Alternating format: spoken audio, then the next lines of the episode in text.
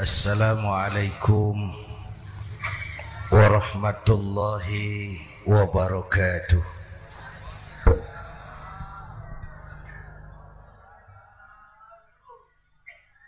الحمد لله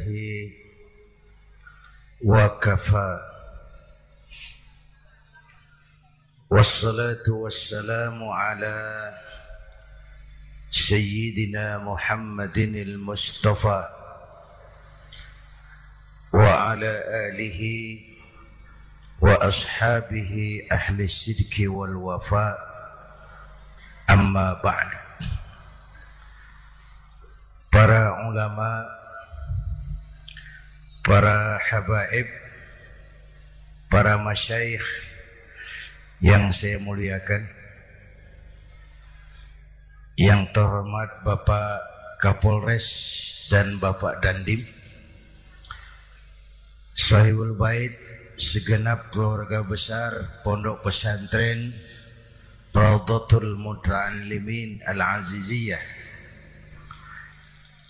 Bapak-bapak, ibu-ibu, hadirin hadirat ma'asyiral muslimin yang saya cintai.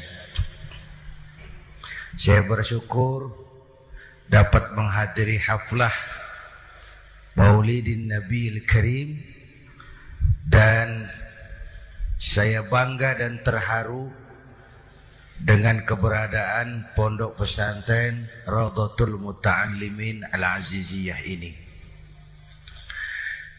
Sekarang ini banyak orang bisa memberi contoh. Tapi sedikit orang bisa menjadi contoh. Memberi contoh itu mudah.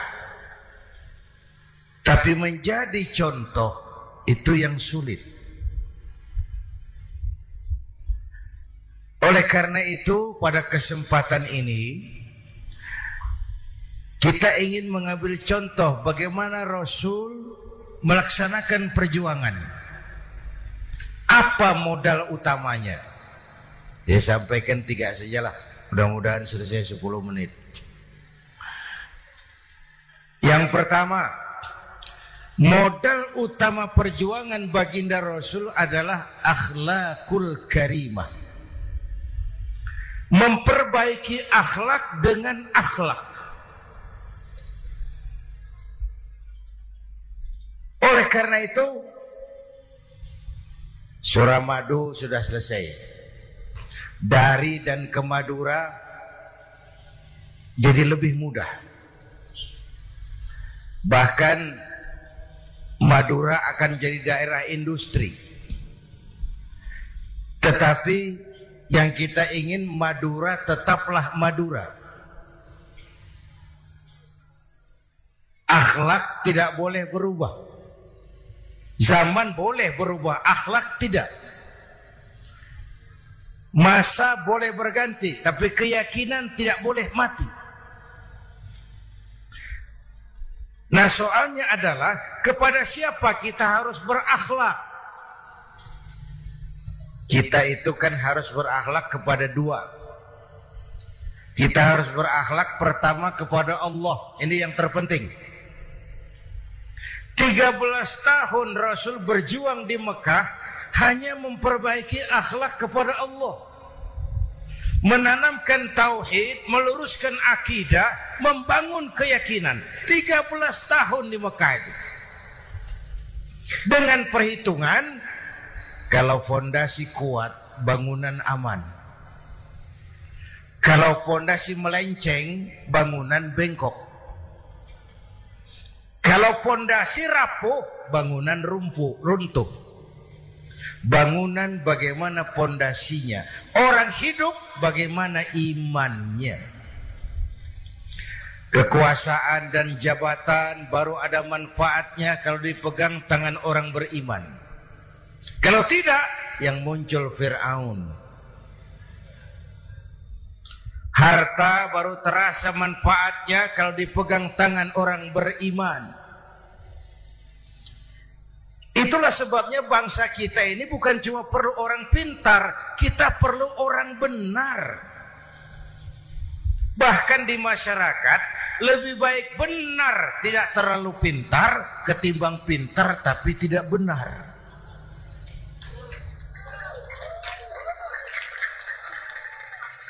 Oh, kalau sudah pintar tidak benar, rusak rakyat itu, Pak.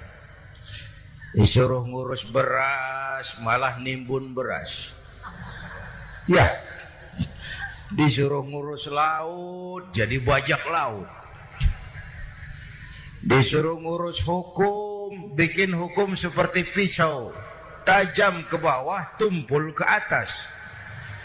Kalau yang kecil salah, hukum cepat-cepat ditegakkan. Yang besar salah, diam pura-pura tidak mengerti. Itu yang melukai rasa keadilan.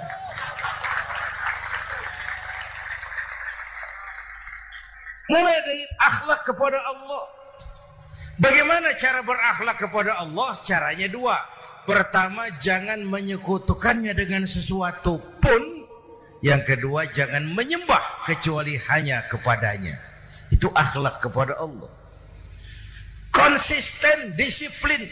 Saya bersaksi tiada Tuhan selain Allah, maka saya tidak akan menyembah kecuali hanya kepada Allah.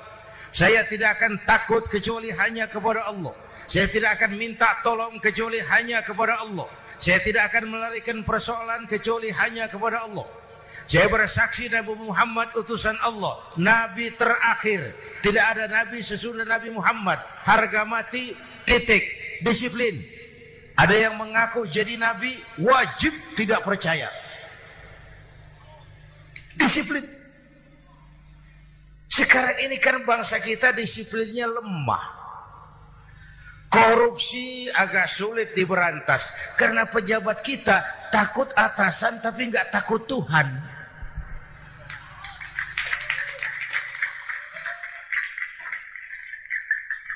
Itu sama dengan anak muda naik sepeda motor ngebut. Lampu merah jalan terus, di stop sama polisi. Pre! Iya pak. Nir, siap. SIM, ada pak. SNK, ada pak. Tahu kau lampunya merah? Tahu pak. Kenapa lewat terus? Saya nggak tahu ada bapak. Itu disiplin kita.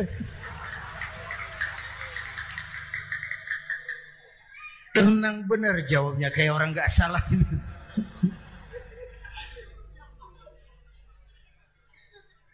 Iman. Apalagi belakangan ini saya sering bilang gini Pak. Ini humor tapi agak tasawuf. Orang yang paling tenang hidupnya itu tukang parkir. Coba lihat tukang parkir, walaupun mobil banyak, mereknya bagus-bagus, tidak pernah sombong. Tenang ini, tenang. Nanti mobil pergi satu demi satu, habis sama sekali, dia tidak sedih. Tenang. mobil banyak tidak sombong, mobil habis tidak sedih. Apa rahasianya? Ternyata, ini tasawufnya di sini Tukang parkir tidak merasa memiliki, tapi merasa dititipi. Wah itu. Siapa saja yang merasa memiliki, bersiaplah kehilangan. Dan itu menyakitkan. Tapi kalau merasa dititipi, jabatan, harta, anak, istri, semua titipan, hiduplah seperti tukang parkir. Pertama, titipan tidak boleh bikin kita sombong dititipi kok sombong ndak pantas ah. Ya. Pak Zainuddin titip mobil ya. Silakan yang punya mobil pergi saya petatang peteteng. Ndak pantas dititipi kok sombong. Ada orang dititipi jabatan oleh Allah sombong. Dititipi sombong. Ada enggak pejabat sombong ada. Namanya Fir'aun. Itu pejabat-pejabat sombong anak buah Fir'aun semua. Dititipi harta oleh Allah. Jadi orang kaya sombong. Sama tetangga tidak mau kenal orang lain kecil semua. Jalan tidak injak tanah. kuntilanak. Yang kedua penting, titipan harus dijaga baik-baik. Kalau tidak, yang nitip marah. Yang nitip marah. Pak titip sepeda motor, silakan. Waktu diambil sepeda motor, kaca spion pecah, kenal pot hilang, bemper hancur. Marah enggak yang nitip? Marah, saya kan titip, kenapa enggak dijaga baik-baik? Dititipi harta oleh Allah, jadi orang kaya. Supaya bangun pesantren, bela yatim, santuni yang lemah. Pelitnya 17 setan. Yang nitip yang nitip marah. Dititipi jabatan oleh Allah isinya korupsi saja. Yang nitip marah. Nah, saya mau kasih lihat sekarang. Allah titip Indonesia. Allah titip Indonesia. Hai rakyat, ini Indonesia. Aku titip kata Allah. Sebentar, ada meja mau naik. Silakan, Mas. Iklan. ya, terima kasih. Jangan disangka kalau disediakan air teh pidatonya jadi lama. Dekorasi ini kok. Sampai mana tadi? Air rakyat, ini Indonesia. Aku titip kata Allah. Ini negara besar dan kaya Titipan ini ditebus dengan keringat, air mata, darah, dan nyawa. Ini bedanya. Malaysia memang merdeka, tapi diberi Inggris. Singapura merdeka, diberi Inggris. Indonesia merdeka, keringat, air mata, darah, dan nyawa. Ini negara aku titip, kata Allah. Ini negara besar dan kaya. Buminya subur, di atas perut buminya segala tanaman hidup. Di bawah perut buminya ada gas, minyak, batu bara. Lautnya kaya, hutannya kaya. Kekayaan negeri ini harus digunakan bagi sebesar-besar kemakmuran rakyat. Itu amanat konstitusi. Disalahgunakan, dikorupsi, yang nitip marah. Yang nitip marah. Kalau dia marah, dia suruh makhluknya yang lain negor. Siapa? Merapi. Bromo. Anak Krakatau. Itu Merapi demo, Pak. Kalau kita rakyat demo, anak buahnya Pak Danres turun. Tapi kalau Merapi demo, siapa yang mau ngatasi? Mbah Marijan selesai sekarang Mbah Marijan sudah kumpul sama Mbah Surip di alam barzah sudah ketemu dia kata Mbah Surip tenang Mbah Marijan tak gendong aman sudah aman sudah Saya mau bilang Merapi itu makhluk, Krakatau itu makhluk, Bromo itu makhluk. Tidak mungkin makhluk bergerak dengan sendirinya. Pastilah ada yang menggerakkan. Maka baik-baiklah sama yang bikin angin supaya bertiupnya sesuai keperluan. Baik-baik dengan yang bikin air supaya datangnya sesuai kebutuhan. Baik-baik sama yang bikin gunung supaya meletusnya pelan-pelan.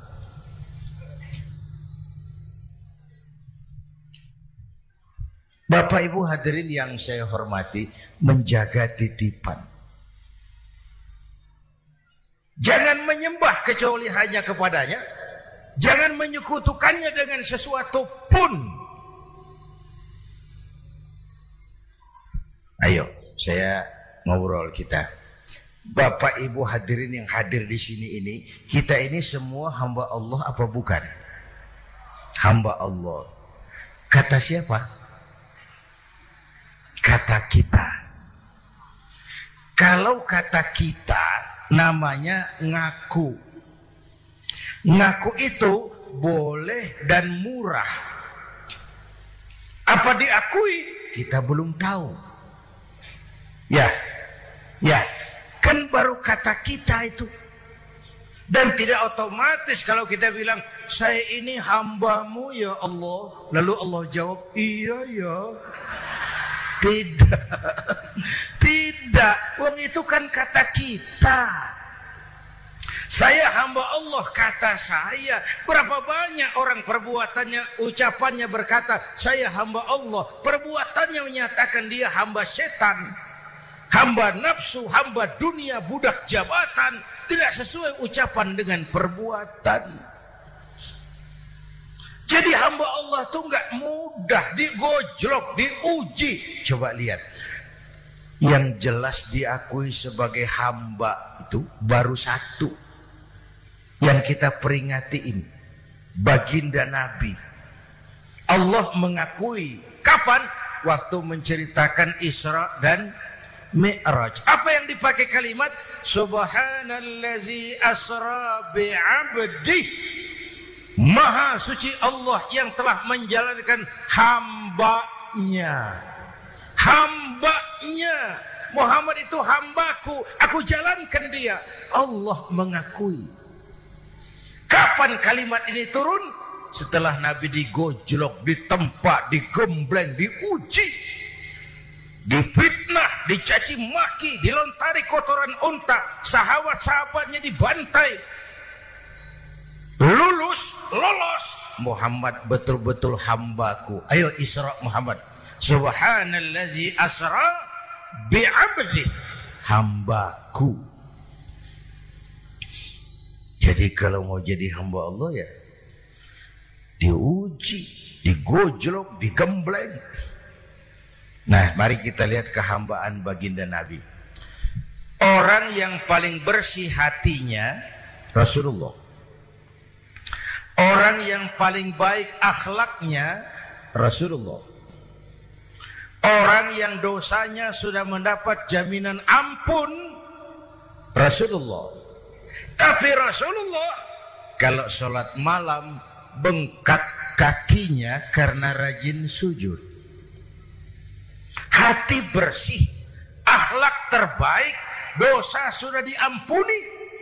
Tapi kalau sholat malam kakinya bengkak karena rajin sujud. Saya tahu di sini juga banyak yang kakinya bengkak.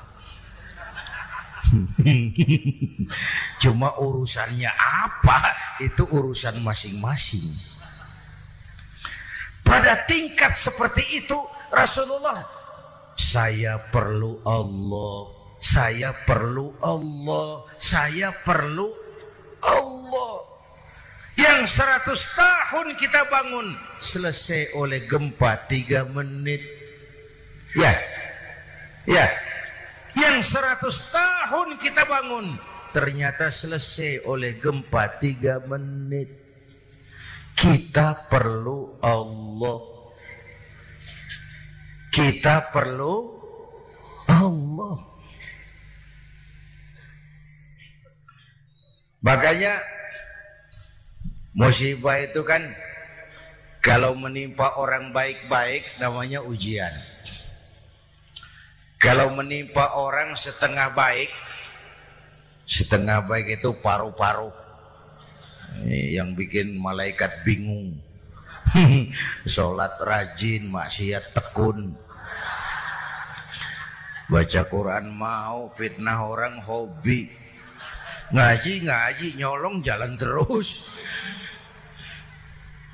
Untung di sini nggak ada yang begitu. Di Jakarta banyak.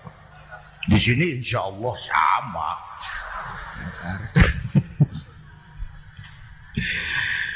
Orang separuh-separuh seperti itu kalau dapat musibah itu namanya teguran, bukan ujian. Kenapa ditegur? Lalai. Nah, kalau orang jahat dapat musibah itu namanya persekot. Uang muka tanda jadi. Kontannya nanti di akhirat. Kalau diuji bukan saja harus sabar tapi harus lulus. Kalau ditegur, introspeksi, perbaiki yang kurang, kurangi yang memang berlebihan. Bertali-tali, bersambung-sambung musibah ini dan musibah kalau datang tidak pernah memilih. Tidak pernah memilih. Bapak Ibu hadirin yang saya muliakan, jadi mari yang pertama jaga akhlak kita kepada Allah. Jangan menyekutukannya dengan sesuatu pun jangan menyembah kecuali hanya kepadanya. Sekarang kan musim entertain, orang pandai membangun pencitraan. Orang pinter bikin bungkusan. Sekarang ini kiai sama dukun tipis bedanya. Bener pak. Pemburu hantu pakai sorban. Pakai gamis Nanti kiai pakai helm. Atribut sudah kacau sekarang ini. Siapa pakai apa, siapa mau jadi apa, tidak jelas. Sementara masyarakat kita memang agak kutil, kurang teliti, cepat heran, gampang kagum. Pernah terjadi suatu saat tabrakan di jalan, Buh, keras sekali, korban jatuh berlumur darah dikerubungi orang banyak. Datang wartawan, mau ambil gambar dari dekat sulit, banyak sekali orang ngerubung. Dia cari akal. Tolong, saya dikasih jalan ke dekat korban. Orang menoleh semua. Saudara siapa? Saya bapaknya korban. Dia mengaku bapaknya korban. Ya orang minggir semua. Minggir, minggir, ada bapaknya korban. Orang minggir semua dia maju ke depan korban. Sampai di depan korban pucat mukanya itu wartawan. Kenapa? Yang ketabrak anak monyet. Oh, dia sudah ngaku bapaknya korban.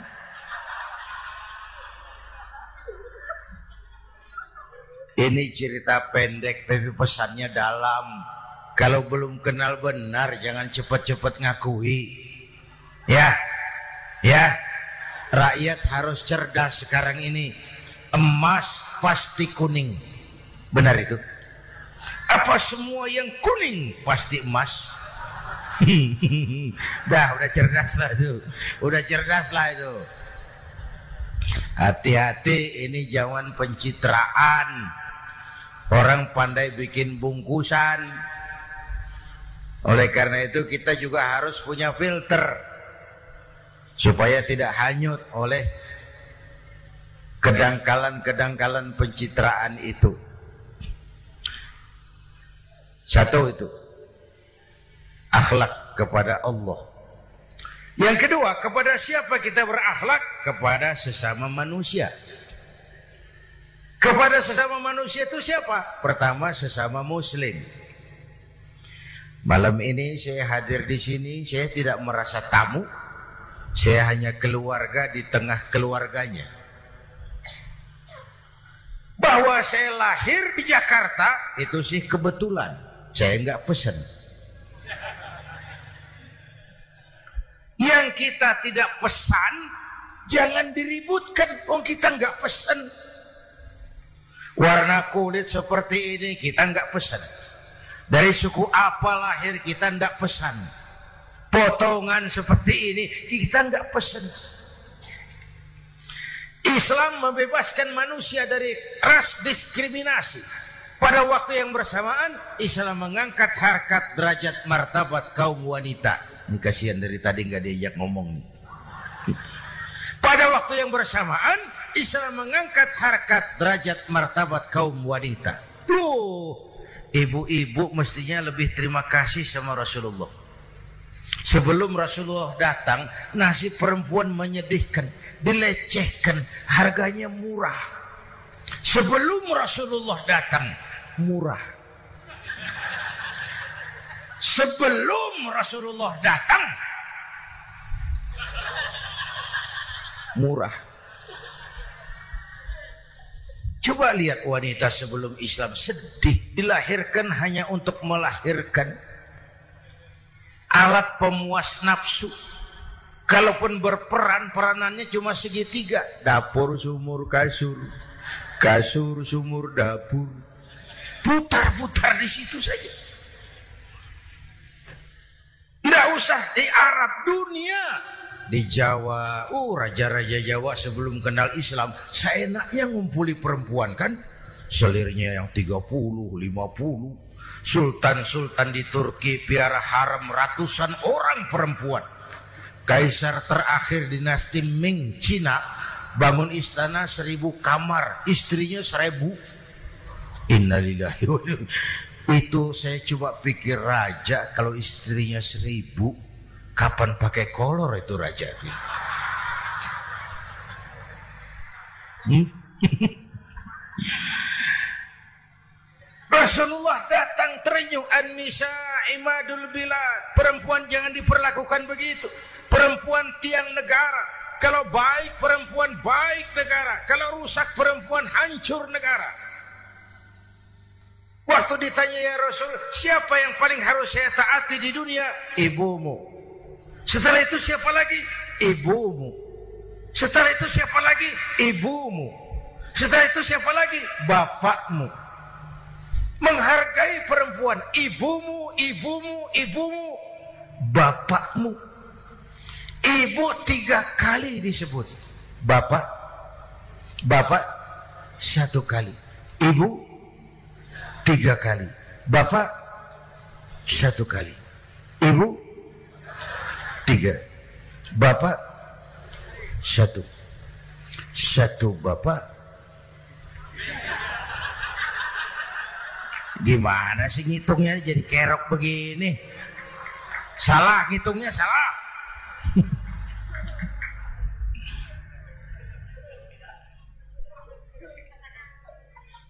Lalu dicairkan kehidupan ke kemasyarakatan di masjid. Masya Allah, masjid itu pendidikan demokrasi betul. Pertama, siapa pun masuk masjid, copot sandal, buka sepatu. Benar itu. Ini masyarakat yang mau kita bangun. Tidak ada warga negara kelas satu. Semua sama. Lurah masuk masjid buka sepatu rah. Hmm? Camat masuk masjid buka sepatu mat. Gubernur masuk masjid buka sepatu nur. Nikmatnya masyarakat masjid. Nikmatnya masyarakat masjid. Coba. Binatang saja harganya tidak sama toh. Sapi yang mahal yang gemuk. Betul. Karena harga sapi pada dagingnya. Makin gemuk sapi, makin mahal harganya. Tapi ada burung perkutut lebih mahal dari sapi. Padahal dagingnya sedikit betul. Kenapa harganya lebih mahal dari sapi? Harga perkutut suaranya. Di mana harga manusia? Yang paling gemuk? Silahkan bersaing dengan sapi. maaf, maaf, maaf, maaf. Inna akramakum indallah atqakum masyarakat masjid. Sudah coba sandal buka sepatu? Sudah. Masuk ke dalam sholat berjamaah. Kalau sudah ke dalam sholat berjamaah, tidak pernah kita usil dari mana orang datang. Yang penting ke mana dia menghadap. Itu masyarakat masjid. Dari mana kamu?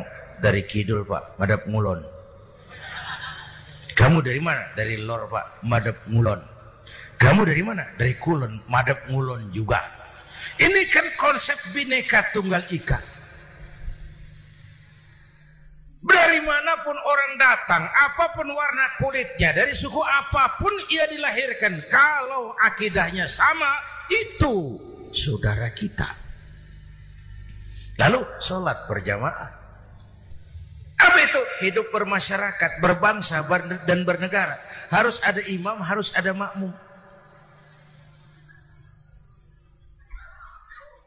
Kenapa? Ini saya harus agak hati-hati ya. Pakai sarung angin ini. Apa tadi ngomong apa saya? Sholat berjamaah, bermasyarakat, berbangsa dan bernegara. Ada imam, ada makmum. Siapa makmum? Kita ini rakyat. Siapa imam? Para pemimpin negara. Apa bedanya? Imam harus dipilih. Makmum? Makmum nggak usah. Coba baca kitab fikih yang setebal apa pun, nggak ada bab pemilihan makmum. Nggak usah makmum, nggak usah dipilih. Orang buta boleh jadi makmum, orang bisu boleh jadi makmum, tukang mabuk boleh jadi makmum. Tapi tidak tiap orang boleh jadi imam. Imam harus dipilih. Siapa yang jadi imam? Pertama a'lamuhum Orang yang paling alim di kampungmu angkat jadi imam. Yang paling alim. Bukan yang paling tua. yang paling alim. Tahu urusan, punya konsep, punya visi dan misi. Mengerti negara ini mesti dibawa ke mana. Jalan keluarnya apa. Angkat jadi imam. Pak ada dua orang, Pak alimnya sama. Yang mana yang dipilih? Kalau ada dua orang alimnya sama, kata Nabi, afsohuhum yang lebih fasih lidahnya. Apa artinya fasih? Nyambung sama rakyat. Tahu apa yang dimaui rakyat. Nyambung. Tidak sah orang fasih bermakmum kepada imam cedal.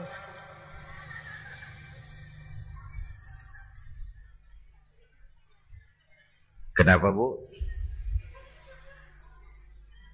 nyambung capek kalau punya imam nggak nyambung sama makmum makanya kalau sudah jadi imam pesan Nabi apa Idza amma ahadukumun nasa falyukhaffif.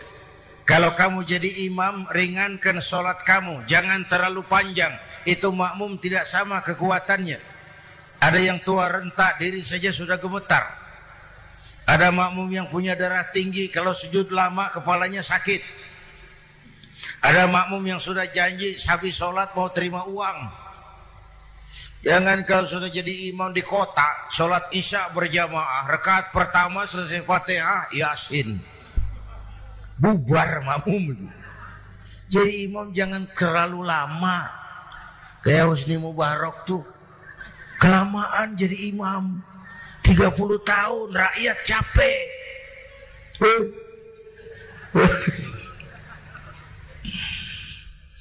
Bapak Ibu hadirin yang saya hormati. Nah masyarakat Islam ini loyal, taat, setia. Kapan? Kalau imamnya benar.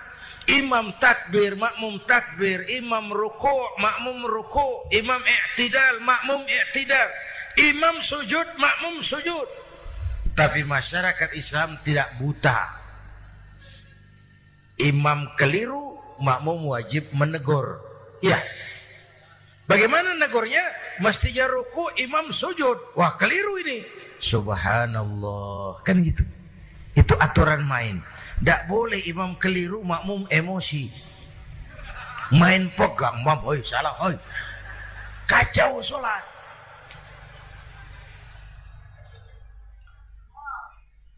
Imam buang angin. Apa makmum lalu berkata, demi kesetiaan saya kepada imam imam buang angin saya lebih keras lagi. Goblok. Iya karena na'budu wa karena nasta'in. Sampai situ imam buang angin minggir. Tidak usah ribut. Yang di belakang satu orang maju ke depan lanjutkan pekerjaan imam. Yang penting imam tahu diri buang angin minggir.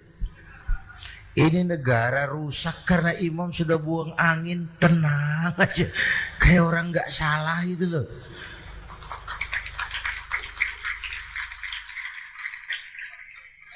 Selesai sholat dikasih tahu imam tadi buang angin ya. Sedikit. Apa kalau nggak sedikit lalu nggak rusak sholat itu? Nah dalam berjaga akhlak kepada sesama ayo kita jaga kesatuan, persatuan, kerukunan, kekompakan. Ini pesantren Rogotul Muta'allimin Al-Aziziyah. Ini aset kita. keberadaannya, pengembangannya, kelangsungannya, bukan sekedar tanggung jawab pengurusnya, tanggung jawab kita sesuai dengan bidang dan kemampuan masing-masing. Yang punya jabatan bantu dengan wewenangnya, yang punya harta bantu dengan uangnya, yang punya tenaga bantu dengan tenaganya, yang bisa doa bantu dengan doanya, yang tidak bisa apa-apa bantu dengan diam. Diam saja lumayan loh itu membantu.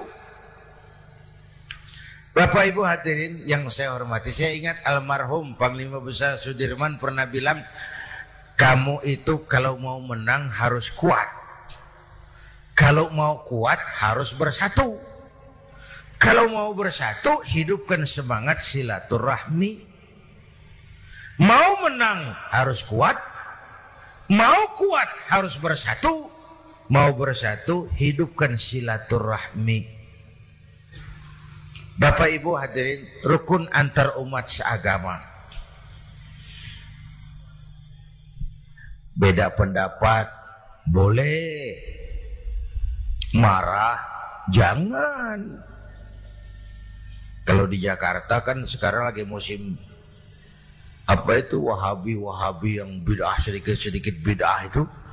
Saya sih bilang yang suka tahlil bagus terusin. Yang nggak suka tahlil nggak apa-apa. Tapi jangan mencaci maki yang suka tahlil. Orang yang mabuk masih banyak kok yang tahlil dicaci maki. Kita ini seperti orang kurang kerjaan. Waktu guru saya Abaratul Mukarram Ki Haji Dr. Idam Khalid wafat.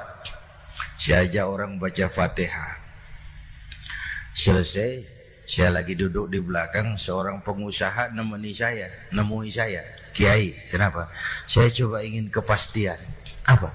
Orang yang sudah mati dibacakan Fatihah itu apa pahalanya sampai? Saya bilang gini mas kamu kalau nggak percaya mati aja dulu saya bacain fatihah. Tunggu di sono. Kalau nggak nyampe balik lagi nggak apa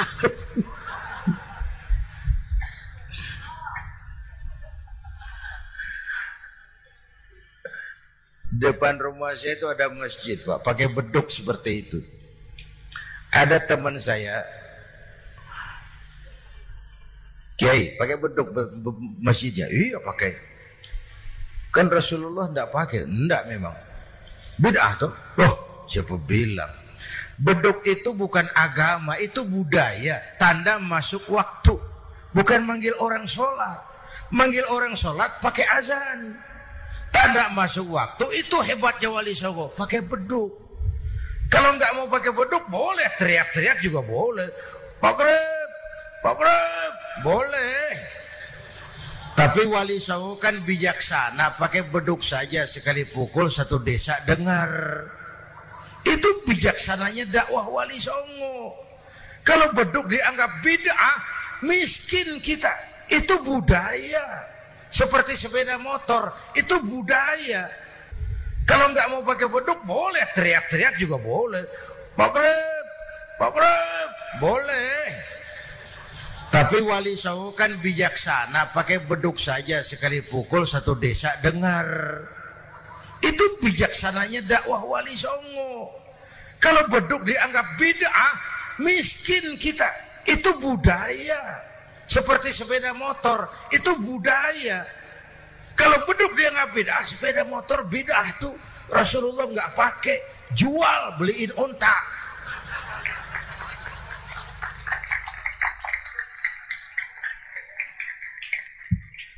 Ayo cari persamaan, jangan memperbesar perbedaan. Hormati pendapat orang kalau pendapat kita juga ingin dihormati. Kasus Ahmadiyah meledak lagi di Cikesik, Banten. Lalu pendekar-pendekar HAM menganggap itu tirani. Mengganggu kebebasan beragama. Dia lupa bahwa Ahmadiyah masalahnya bukan kebebasan beragama tapi penodaan terhadap agama. Kalau kebebasan beragama sih umat Islam welcome. Orang mau Hindu, mau Buddha, mau Kristen bebas memilih agamanya masing-masing. Tapi ini kan Ahmadiyah lain. Ngakunya Islam tapi ada nabi lagi sesudah Nabi Muhammad. Namanya Mirza Gulam Ahmad. Asal dari India. Saudara hadirin yang saya hormati, ini yang prinsip penodaan terhadap agama. Kalau nggak ngaku Islam nggak masalah. Supaya mau aman caranya cuma dua. Ahmadiyah jadi agama sendiri. Karena Malaysia sudah melarang. Brunei sudah. Rabito Alam Islami menyatakan aliran sesat. Saudi Arabia melarang pengikut Ahmadiyah pergi bikin haji. Dia dianggap non muslim. Cuma memang pemerintah kita nggak tegas. Kalau dari dulu dinyatakan dilarang, nggak akan ada lagi kasus-kasus seperti itu.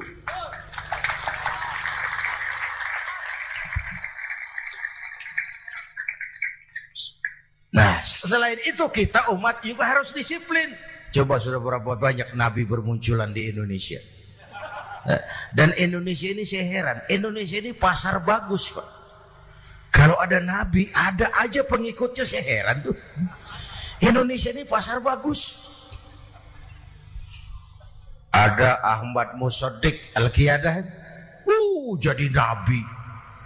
Konsultan bulu tangkis jadi nabi. Dapat wahyunya di Bogor. Ditangkap polisi empat tahun. Muncul lagi di Bandung, namanya Sayuti tukang cukur. Ngaku dapat wahyu. Jadi nabi ditangkap polisi lagi dua tahun.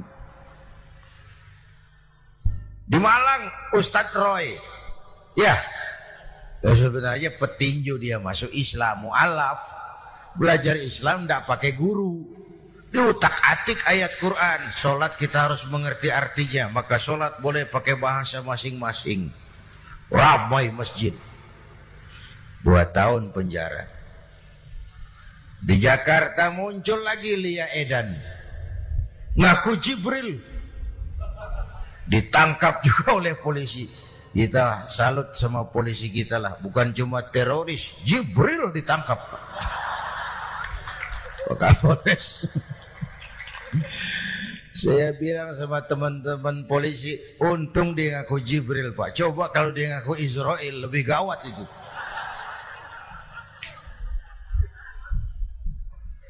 Yang parah antara Cirebon Losari dia, perbatasan Jawa Tengah Jawa Barat, pernah muncul agama baru namanya agama Jasun. Agama Jawa Sunda. Agama Jasun Jawa Sunda. Yang jadi nabi Tugimin. La haula wala quwata. Saya bilang ini jangan jadi nabi, jadi kiai juga nggak angker ini.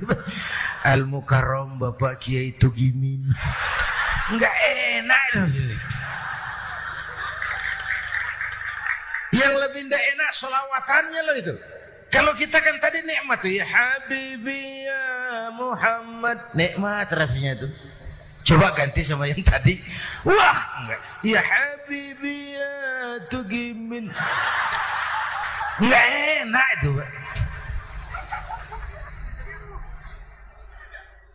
Jadi umat Islam itu sangat menghormati orang lain agama. Soal agama orang lain, lakum dinukum. Awas hati-hati kalimatnya. Kita menghormati orang lain agama. Soal agama orang lain, lakum dinukum. Kita memang yakin cuma Islam agama yang benar tapi bukan berarti kita boleh menghina agama orang lain. Kenapa?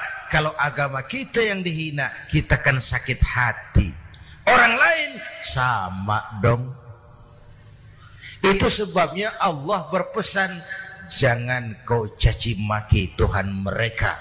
Karena mereka akan balas mencaci maki Tuhanmu. Dan itu artinya mencaci maki aku, kata Allah. Jelas ini? Jelas? Justru karena umat Islam mayoritas di Indonesia, maka kerukunan antar umat beragama terjaga dengan baik. Oh, kalau umat Islam mau main kasar, mau main kayu, mau main keras, Umat Islam ini 85 persen. Yang lain pasti selesai.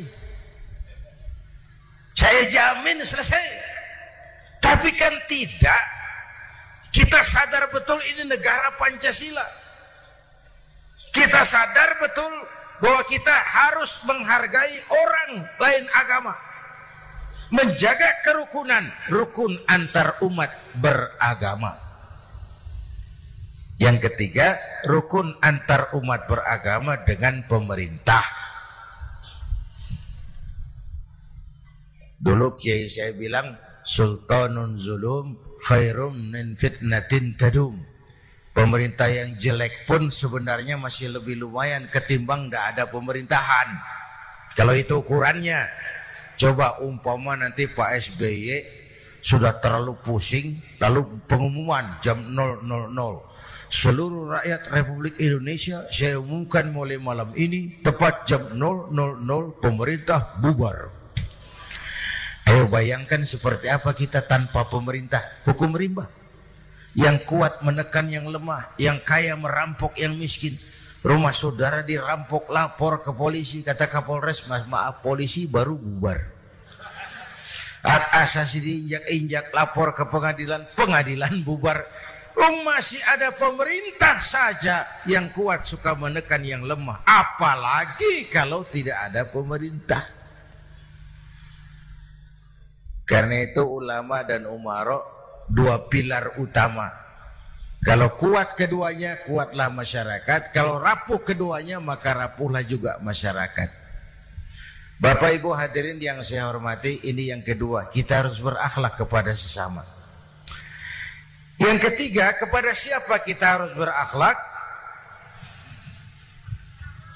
Kenapa? Iya, saya cuma lihat jam. Yang ketiga kepada siapa kita harus berakhlak? Kita ini harus berakhlak kepada makhluk Allah yang lain di luar manusia. Kepada air kita harus berakhlak loh Pak. Saya dulu remaja ngaji fikih, kiai ngajar. Makruh buang air kecil di tanah yang berlubang. Mau saya protes. Kenapa makruh kiai? Pertama untuk kesehatan. Siapa tahu di lubang yang kau kencingi ada gas beracun. kalau tidak kiai, kalau tidak maka artinya kau harus melindungi binatang yang ada di dalam lubang. Siapa tahu di lubang yang kamu kencingi ada semut sedang rapat membahas masalah Mesir. Apa dosanya lalu mati dikencingi? Ini namanya rahmatan li semut. Bapak Ibu hadirin yang saya hormati, ada hadis sederhana. Faiza zabahtum fa ahsinu zibhata. Kalau kamu menyembelih hewan, sembelihlah dengan cara yang terbaik. Jangan nyembelih ayam pakai pisau tumpul. Itu namanya tidak berperi kebinatangan. Kepada ayam kita berakhlak, kepada pohon kita berakhlak, kepada air kita berakhlak. Kenapa sekarang alam tidak seramah dulu? Karena kita juga tidak ramah kepada alam. Kenapa sering terjadi banjir? Karena tempat air kita kurangi. Dia bingung mau ke mana. Air nggak punya tempat. Akhirnya masuk ke rumah kita juga. Masuk dalam zoharul fasadu wal wal bahri bima kasabat aidin nas. Karena kita tidak berakhlak kepada lingkungan. Bapak Ibu hadirin yang saya hormati. Jadi itu yang pertama, modal utama perjuangannya akhlakul karimah. Mau sukses utamakan akhlak. Industrialisasi boleh terjadi di Madura. Jalan berhotmik licin, oke, okay. listrik masuk desa, alhamdulillah. Tapi akhlak jangan berubah, akidah jangan goyah.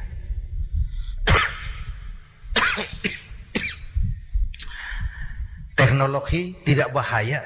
Yang bahaya orang yang menggunakannya. Wayang itu yang namanya cepot. Itu bisa selawat badar kalau yang megang Anom Suroto. Cepot bisa selawat badar kalau yang megang Anom Suroto. Wayang bagaimana dalangnya. Teknologi bagaimana orang yang menggunakannya. Satu. Yang kedua, yang kita contoh dari baginda Rasul. Beliau itu sejak kecil tidak dimanjakan, Pak. Lahir ke dunia tidak sempat melihat wajah bapak. Umur enam tahun ditinggal ibu. Umur sembilan tahun ngembala kambing. Berniaga ke Syam. Syam itu Syria sekarang. Umur sembilan tahun bisnis lintas negara dari Saudi ke Syria. Remaja tidak dimanjakan, kerja keras, peras keringat, banting tulang. Tidak ada pekerjaan halal yang hina. Lahir pribadi yang tegar, mental yang tahan banting, manusia yang tidak cengeng karena sejak kecil ditempa oleh kesulitan. Jadi gini, orang itu kalau biasa susah, ketemu susah, ndak kaget pak mentalnya kuat. Saya santri, biasa makan kangkung. Datang ke rumah teman dikasih kangkung. Loh makanan saya ini. Dikasih daging ayam, nambah. Orang tuh kalau biasa susah enak. Saya santri, biasa tidur di masjid. Disuruh nginep di hotel.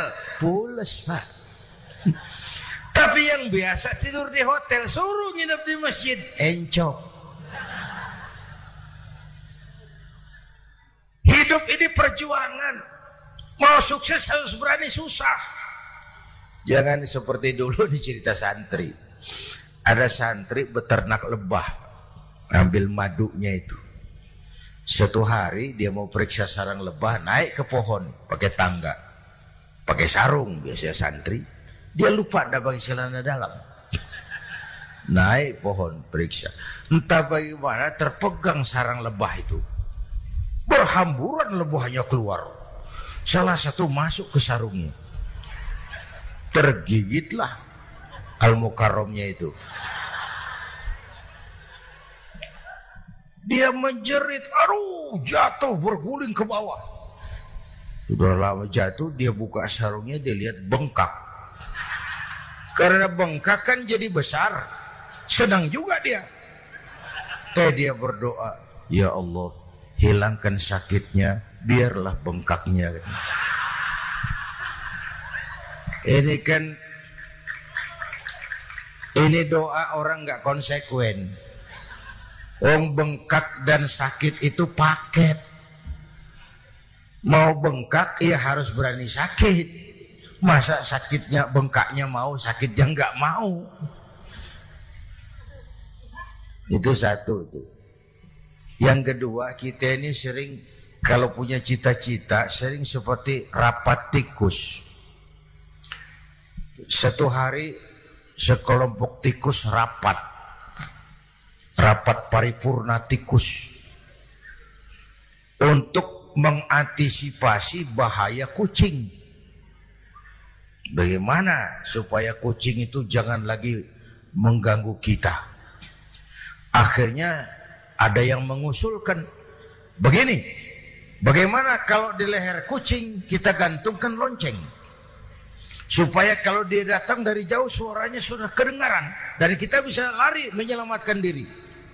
Wah cerdas tuh. Setuju. Setuju semua. Setuju, setuju, setuju. Bagus. Nah, Oke. Okay. Waktu pembicaraan dilanjutkan, tikus mana yang mau menggantungkan lonceng ke leher kucing? Rapat bubar. Setuju, akur. Iya, iya. Waktu kerja selesai. Bapak Ibu hadirin yang saya hormati, terutama anak-anak saya para santri, remaja, pemuda, Hidup ini persaingan. Bapakmu tamat SD nak, kau sarjana. Bapakmu cuma jadi RT nak, kau camat. Bapakmu tukang tabal ban, kau harus punya pabrik ban.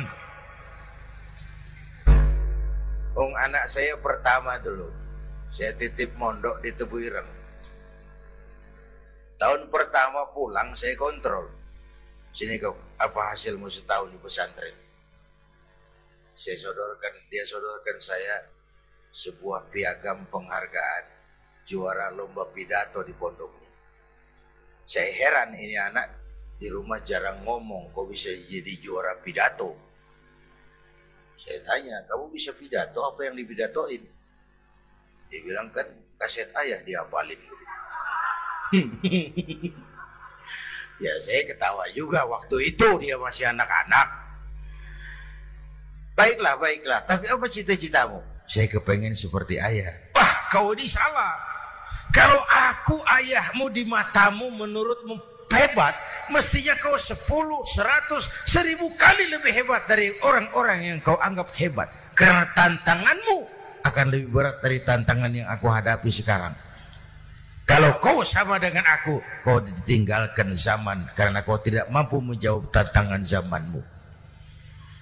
Bapak Ibu hadirin yang saya hormati, persaingan tajam, tantangan makin berat. Oleh karena itu diperlukan semangat yang dicontohkan Nabi. Kerja keras, peras keringat, banting tulang, tidak ada pekerjaan halal yang hina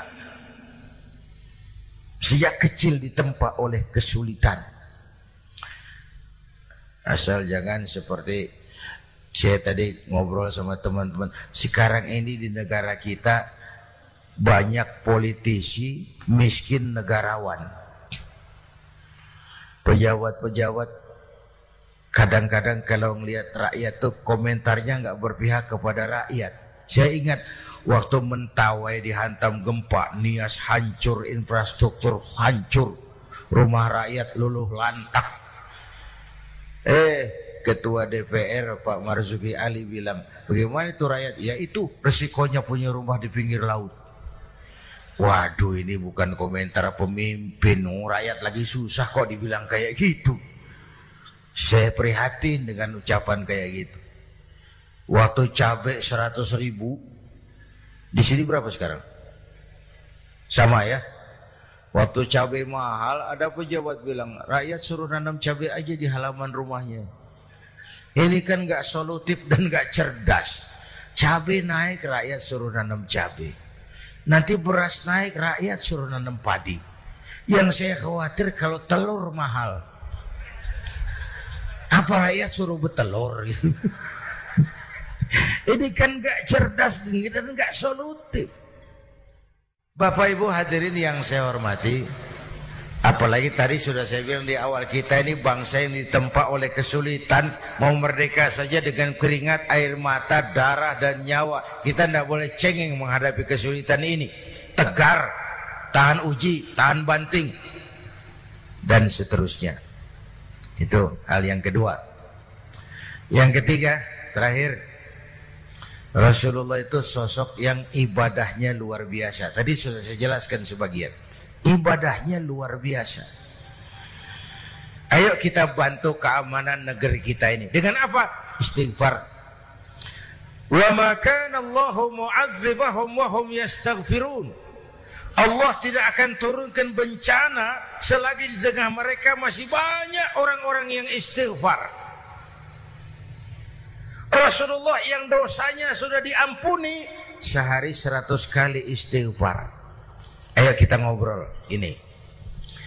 Pak, Pak, Pak, saya ini, Zainuddin ini, kalau mengharap masuk surga dengan amal yang saya kerjakan sendiri, rasa-rasanya tipis harapan. Benar. Sholat saya berapa banyak saya tahu. Sodako saya berapa duit saya tahu. Dosa saya berapa banyak saya tahu. Lalu saya baca sejarah. Nabi Adam dosanya satu. Makan buah khuldi. Dikeluarkan dari surga. Nabi Adam dosanya satu. Dikeluarin. Kita dosanya banyak. Kepengen masuk. ini enggak nyambung ini. Nabi Adam, Nabi Adam dosanya satu dikeluarin dari surga. Kita dosanya banyak, kepengen masuk. Enggak nyambung. Apa yang bikin saya besar hati? Apa yang bikin saya optimis? Ada dua Pak. Pertama yang disebut rahmat Allah. Yang kedua disebut syafaat Rasulullah. Dua itu Pak. Oh, kalau kita ini insya Allah nanti sampai ke surga. Amin. Amin. Kalau kita ini sampai ke surga Pak, saya jamin itu bukan karena amal kita, itu karena rahmatnya Allah. Hendaklah seberapa banyak sih amalan kita mau menggapai surga.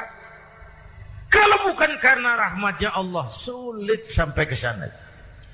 Hei manusia, dosamu besar, tapi lihat rahmatku lebih besar.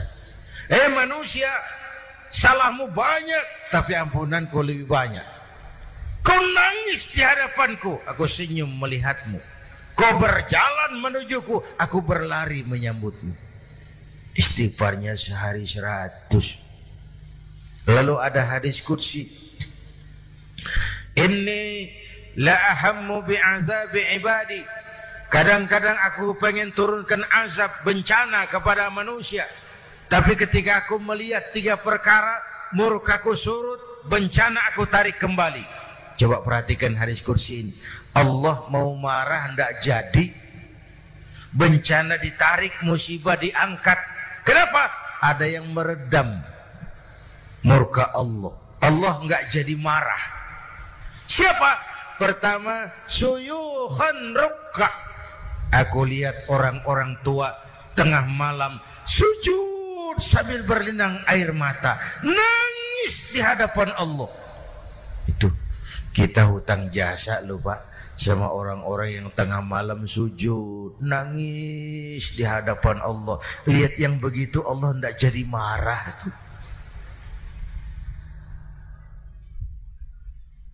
Saya tahu bapak-bapak Ibu-ibu kan suaminya sering bangun tengah malam ya bu. Hmm? kencing. Bikin bingung malaikat. Sudah mau ditulis tahajud kencing doang. Kata malaikat sialan. Hampir salah tulis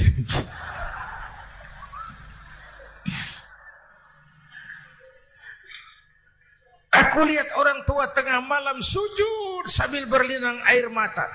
Lalu Aku lihat bayi-bayi tanpa dosa masih menyusu. Sibianan rudda. Bayi-bayi tanpa dosa masih menyusu. Suci, bersih, belum ternoda. Wabaha iman rutta. Dan aku lihat binatang ternak melata mencari makan. Kambing mudah cari rumput. Alam terjaga keasriannya. Bagaimana bencana nggak mau nambah? Kita mengamalkan hadisnya juga terbalik. Yang diminta itu orang tua tengah malam sujud. Bayi tanpa dosa nyusu. Sekarang bayi tanpa dosa dibuang ke tempat sampah gara-gara orang tua tengah malam nyusu. Terbalik namanya. Yang diminta itu orang tua tengah malam sujud bayi tanpa dosa nyusu. Ini bayi tanpa dosa dibuang ke tempat sampah. Gara-gara orang tua tengah malam.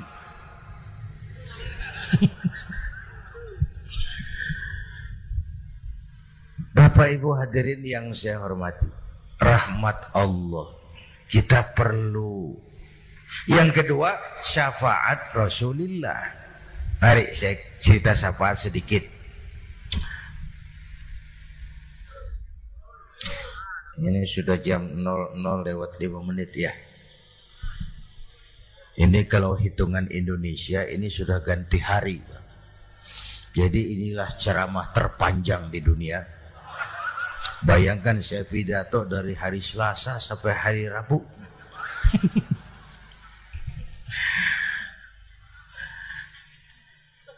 Syafaat. Agak saya singkat ceritanya. Nanti itu Pak, setelah alam ini hancur sehancur-hancurnya, bumi gempa, gunung meletus, air laut tumpah ke darat, halilintar menyambar planet-planet bertabrakan semua yang hidup mati bareng tanpa persiapan termasuk malaikat malaikat mati yang tinggal cuma Allah sendirian. Yang lain hancur semua. Tinggal Allah sendirian. Allah patroli. Berseru-seru. Limanil mulkul yaum Ahai siapa penguasa hari ini? Mana Fir'aun yang ngaku Tuhan nongol kalau memang Tuhan mana Abrahat mana Namrus mana itu Benito Mussolini mana itu Adolf Hitler mana itu Hosni Mubarak Penguasa-penguasa yang ngaku berkuasa nol kalau memang penguasa. Gak ada yang jawab pak semua sudah rebah. Allah lalu berkata, La ilaha illa ana. Ternyata ha, tidak ada Tuhan lain selain aku. Allah sombong waktu itu. Kalau Allah sombong itu pantas Wong hadis kursi mengajarkan al-kibriya ulibasi. Sombong itu pakaianku kata Allah. Cuma aku yang pantas pakai. Kamu manusia nggak nggak pantas pakai pakaianku. Kebesaran. Wong pakaian Allah mau dipakai. Sombong itu pakaian Allah. Cuma Allah yang pantas pakai. Nanti itu yang pertama dihidupkan bukan kita, malaikat dihidupkan lebih dulu. Tiupan pertama, uh, malaikat hidup semua. Diatur panitia akhirat. Yang nyambut tamu siapa? Yang pimpin marawis siapa? Malik siap. Sediakan neraka. Aku mau bakar itu bajingan-bajingan tengik yang waktu di dunia nggak mau sujud jauh dari ulama tinggal di masyarakat jadi biang kerok sama yatim kejam sediakan neraka. Baik. Ridwan? Iya sediakan surga aku mau balas hamba-hambaku yang waktu di dunia rajin sujud dekat dan cinta kepada ulama santun kepada yatim suka menolong orang yang memerlukan pertolongan. Baik. Jibril, Mikail, iya, ke surga. Untuk apa ya Rob? Ambil kendaraan bernama Buruk, turun ke alam, cari di mana kubur kekasihku Muhammad, bangunkan dari kuburnya, bawa ke surga. Turun Jibril dan Mikail, cari kubur Nabi. Wong alam sudah hancur-hancuran. Jangan cari kuburan, cari bangkalan aja nggak ketemu. Bingung dua-dua. Jibril sebelah mana kubur Nabi? Gak tahu Mikail. Lalu dua-duanya sujud. Sujud mohon pertolongan Allah. Dengan izin Allah terbuka kubur Nabi. Allahumma salli alaihi wa ala alihi. Bangun dari tidur seperti orang dari bangun dari kubur seperti orang bangun tidur Nabi, mengusap mata. Menoleh ke kanan Jibril, menoleh ke kiri Mikail. Lalu tanya, Ayu yaumin hadza ya Jibril? Ini hari apa Jibril? Ini hari apa? Hadza ma wa'ada rahman Ini hari yang dijijikan Allah Muhammad. Ini kiamat. Kiamat Jibril, kiamat. Jibril, kalau memang ini hari kiamat, aina ummati? Umat saya mana Jibril? Umat saya mana? Allah karim. Belum pernah saya lihat di dunia ada satu pemimpin yang begini besar cintanya kepada umatnya seperti baginda Rasul. Dari dunia sampai akhirat beliau cinta kita. Dari dunia sampai akhirat beliau bela kita. Bangun dari kubur, tahu hari sudah kiamat. Yang pertama ditanya, Aina ummati? Umat saya mana Jibril? Kita yang ditanya. Kalau saya yang pertama dibangkitkan dari kubur, lain pertanyaannya. Ini hari apa Jibril? Kiamat Zainuddin. Oh, bini saya mana Jibril? Nabi enggak tanya Khadijah wala Fatimah wala Aisyah. Aina ummati? Umat saya mana Jibril? Umatmu? Iya. Kau manusia pertama yang dibangunkan dari kubur. Yang lain masih dikubur. Oh. Kita ke surga Muhammad. Perintah Allah, perintah Allah. Sampai di surga seperti orang tidak betah Nabi itu. Resah, gelisah, mondar mandir, mukanya murung. Yang punya surga kan negur. Muhammad, lebih ya Rabb. Tidak enak di surga ya? Enak.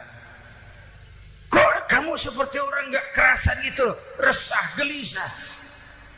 Kenapa? Saya saya teringat umat saya ya Allah. Umat saya bagaimana nasibnya? Iya saya sudah enak di DPR. Eh DPR. Salah. Salah. Saya sudah enak di surga. Gaji cukup, kursi empuk, dapat mobil dinas. Nggak, umat saya yang waktu kampanye kepanasan itu gimana nasibnya?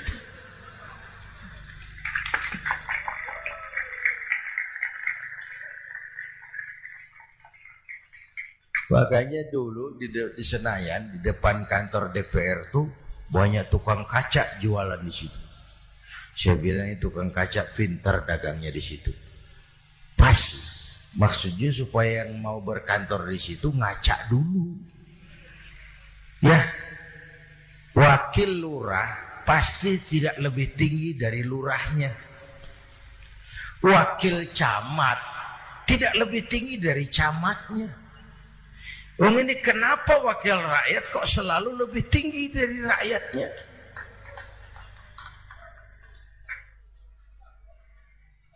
Kan yang memberikan mandat kita rakyat. Kemerdekaan bertujuan mengantarkan rakyat ke gerbang kesejahteraan. Lalu rakyat mempercayai tugas itu kepada pemerintah dan wakilnya di DPR. Saya percayakan kamu mengantarkan rakyat ke gerbang kesejahteraan. Itu amanat undang-undang dasar. Biasanya, biasanya yang diantarkan sampai lebih dulu biasanya.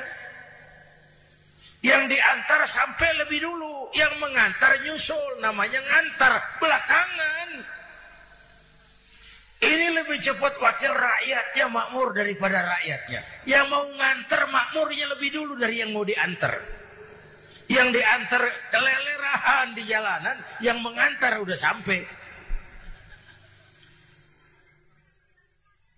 Jadi, bagaimana Muhammad? Saya minta izin mau keluar, tengok saya punya umat.